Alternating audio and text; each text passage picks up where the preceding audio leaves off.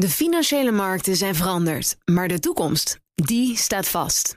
We zijn in transitie naar een klimaatneutrale economie. Dit biedt een van de grootste investeringskansen van onze generatie. Een kans voor u om mee te groeien met de klimaatoplossingen van morgen. Meer weten? Ga naar carbonequity.com. Carbon Equity. Do good by investing better. Een goedemorgen van het FD. Ik ben Pauline Swuster en het is donderdag 1 september.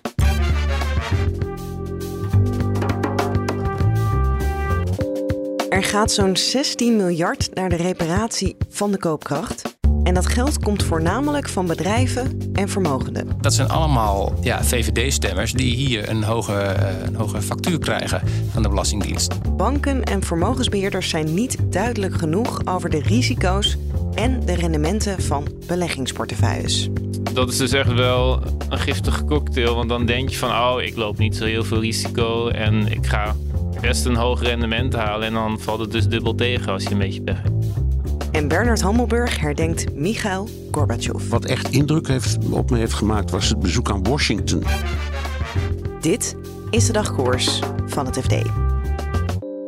De coalitie trekt bijna 16 miljard uit om het koopkrachtverlies te compenseren, vooral voor de lage en de middeninkomens. Zo gaat onder andere de inkomstenbelasting omlaag en de toeslagen omhoog. Dat alles compenseert alsnog niet de torenhoge inflatie, vertelt Cor de Hoorde vanuit Den Haag. Dit is allemaal uitgerekend eh, met op basis van de CPB-cijfers. En de CPB-cijfers zijn weer berekend op basis van een gasprijs van minder dan 200 euro, die bovendien gaat dalen begin volgend jaar. Ja, eh, inmiddels zitten we op 62. En ik geloof dat er mensen zijn die juichen. Hij zegt ja, want hij is gedaald. Ja, want hij stond namelijk een paar dagen geleden nog op eh, 330. Dit, dit om ongeveer aan te geven hoe enorm eh, wisselvallig het hele beeld is. Ja. Dus da- daar is op een gegeven moment is daar bijna niet meer tegenop te, te boksen met, met miljarden.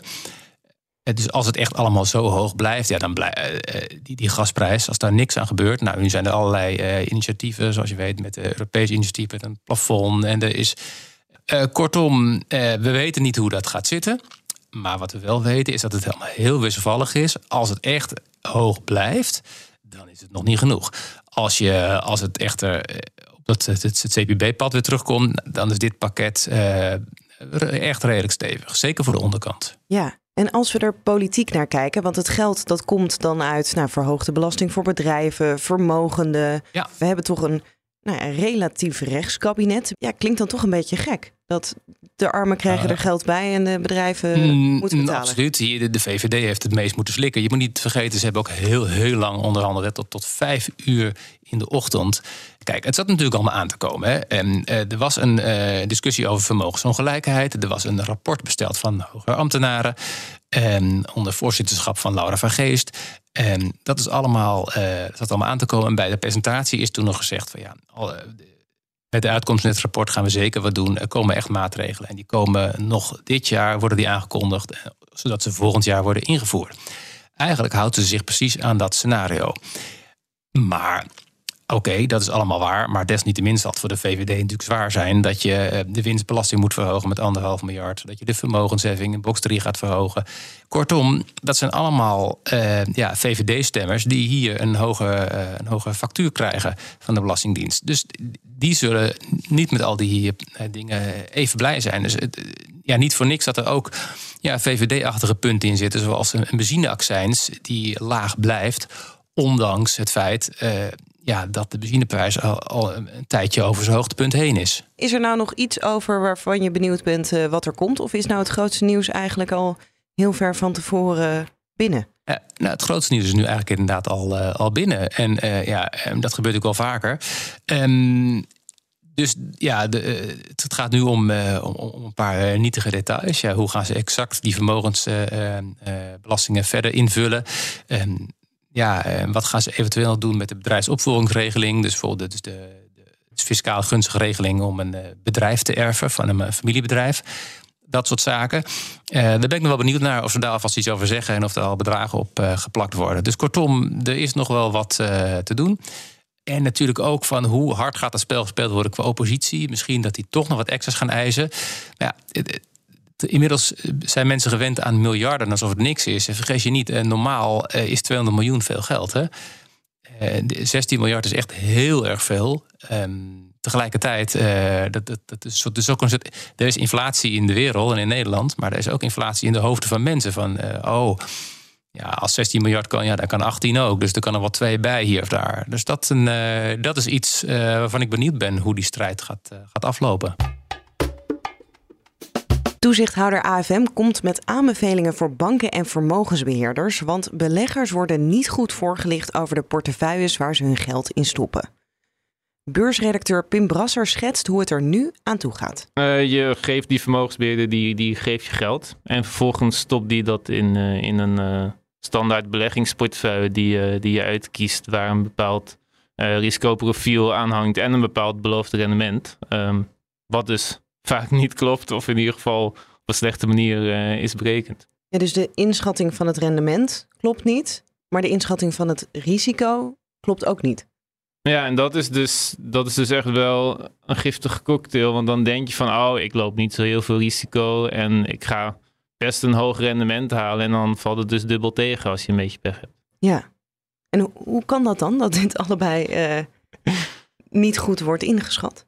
Ja, ik, ik durf het in de pod, ik heb het niet in het stuk gezet, maar ik durf in de podcast wel te zetten dat ze op zich natuurlijk een belang erbij hebben om, uh, om de risico's laag in te schatten en de rendementen hoog. En kan het niet bewijzen, maar zo is het natuurlijk wel. Want dan lijkt het aantrekkelijk en dan trek je meer klanten. Het is voor jou misschien minder verbazingwekkend, maar ik luister daarna en denk dan: het is toch eigenlijk heel logisch dat een vermogensbeheerder uh, aan zijn klant eerlijk, feitelijk zou moeten kunnen vertellen: dit is ongeveer het rendement wat je kan verwachten en dit is ongeveer het risico. En dat als het hetzelfde product is op een andere plek, dat er dan ook hetzelfde beschrijving aan zit.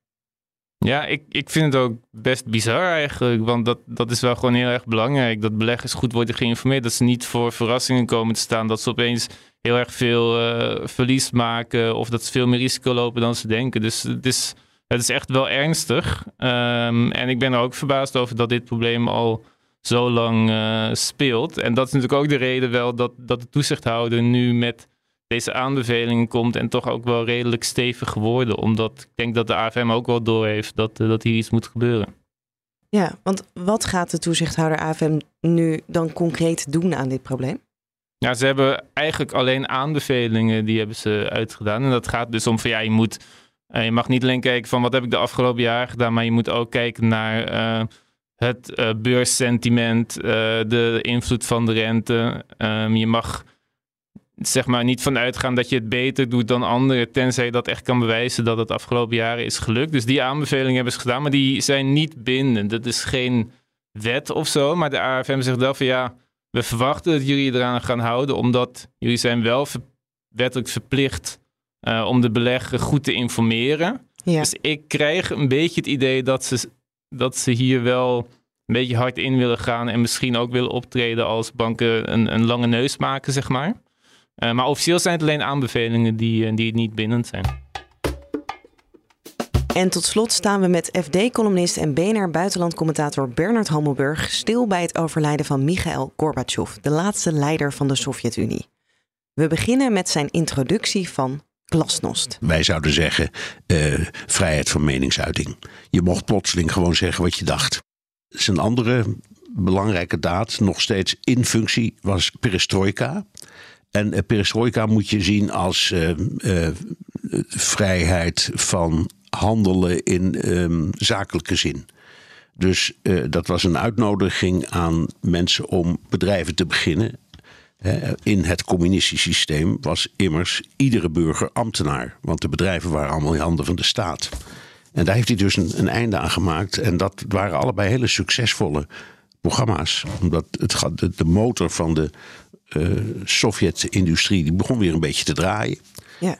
Uh, en dat glasnost, ja, het idee dat je gewoon kon zeggen wat je wilde, dat was natuurlijk voor heel veel mensen die, die, die alleen maar de dictatuur hadden meegemaakt een enorme opluchting. Maar het idee dat, dat, dat, dat hij iets had van ik, dat land moet uit elkaar of, of we moeten Rusland afsplitsen. Integendeel, hij wilde de Koude Oorlog stoppen. Maar hij had geen enkele ambitie om de Sovjet-Unie de nek om te draaien. Toen in 2014 de kwestie van de Krim speelde, heeft hij zich ook uitgesproken erover en zei: nee, de Krim hoort gewoon bij Rusland. Dat betreft moeten we niet de fout maken dat we denken dat hij de architect was van het moderne Rusland. Integendeel. Vind je dan ook dat wij hem misschien een beetje verkeerd framen in het Westen ten opzichte van hoe ze hem in Rusland zien? Ja, maar er zitten twee kanten aan. Um, in de eerste plaats, ik vind dat wij hem terecht toch wel een beetje zien als een held. Want hij is de man geweest die het initiatief heeft genomen om met Ronald Reagan te gaan onderhandelen over het beëindigen van eh, de wapenrace. Dat was eigenlijk zijn inzet. En daarmee ook het einde van de Koude Oorlog inzetten. De andere kant is dat een beetje een tragische kant, maar in eigen land is die eigenlijk altijd met de nek aangekeken. Toen al en nu nog steeds. Er wordt ook bijna geen aandacht besteed aan zijn dood. En als het gebeurt, dan is het in zeer bittere zin. Ik lees even een stukje voor van persbureau RIA. Michail Gorbachev kan als illustratie dienen dat de goede bedoelingen van een nationale leider in staat zijn om een heel land de hel op aarde te bezorgen. Dat is niet mis. Nee. Jij hebt hem ook uh, misschien niet ontmoet, maar wel uh, gadegeslagen. Zeker, zeker, zeker. Ik, ik, heb, uh, ik was destijds correspondent in de Verenigde Staten en, en, en, volgde dus Reagan op zijn ontmoetingen met Gorbachev. Dat begon echt in 1985, even uit mijn hoofd. Wat was destijds jouw indruk van de man? Nou, oh ja, nou, ik, het, het, ik, ik vond het een um, hele eigenzinnige man. Maar er is één moment van al die ogenblikken. Ja, het is ook fantastisch als je die twee mannen op het Rode Plein elkaar de hand ziet schudden. En als je daar met je neus bovenop staat. Maar dat is meer gewoon een groot jongensboekverhaal. Dat heb ik dan toevallig meegemaakt. Maar wat echt indruk heeft, op me heeft gemaakt was het bezoek aan Washington. Uh, dat was uh, een gala-diner. Uh, dus in smoking en, en avondjurk. En hij verscheen daar met zijn Raisa, zijn vrouw, in een gewoon pak. Want een communist had geen smoking, dat was ondenkbaar.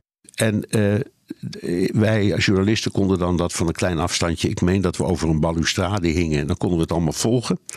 En, en, en hield toen een toespraakje waarin hij zei: We hebben jullie hulp nodig, want wij communisten komen uit een leer die allerlei dingen verbiedt. Bijvoorbeeld alles wat te maken heeft met speculatie. Dus we hebben geen effectenbeurs. Want dat speculatie, dat is in het communistische systeem verboden. Die moeten we gaan opzetten.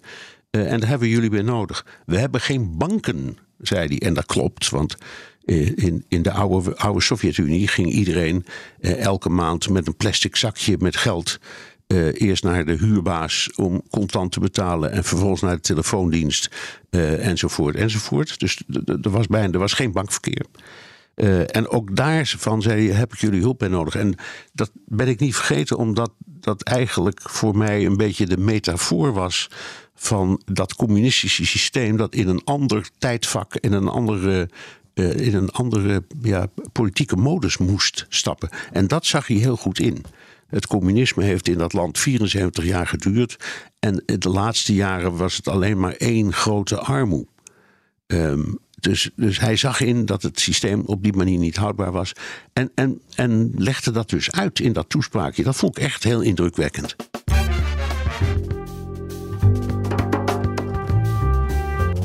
Dit was de dagkoers van het FD. Alle details over het begrotingstekort en natuurlijk het laatste financieel-economisch nieuws vind je op fd.nl. En je volgt dagkoers waar je dan ook podcast luistert. Als je ons even opzoekt en je abonneert, dan krijg je morgenochtend automatisch de nieuwste aflevering binnen.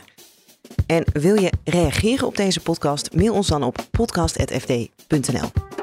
Voor nu een hele fijne dag en graag tot morgen. De financiële markten zijn veranderd, maar de toekomst, die staat vast. We zijn in transitie naar een klimaatneutrale economie. Dit biedt een van de grootste investeringskansen van onze generatie. Een kans voor u om mee te groeien met de klimaatoplossingen van morgen. Meer weten? Ga naar carbonequity.com. Carbon Equity. Do good by investing better.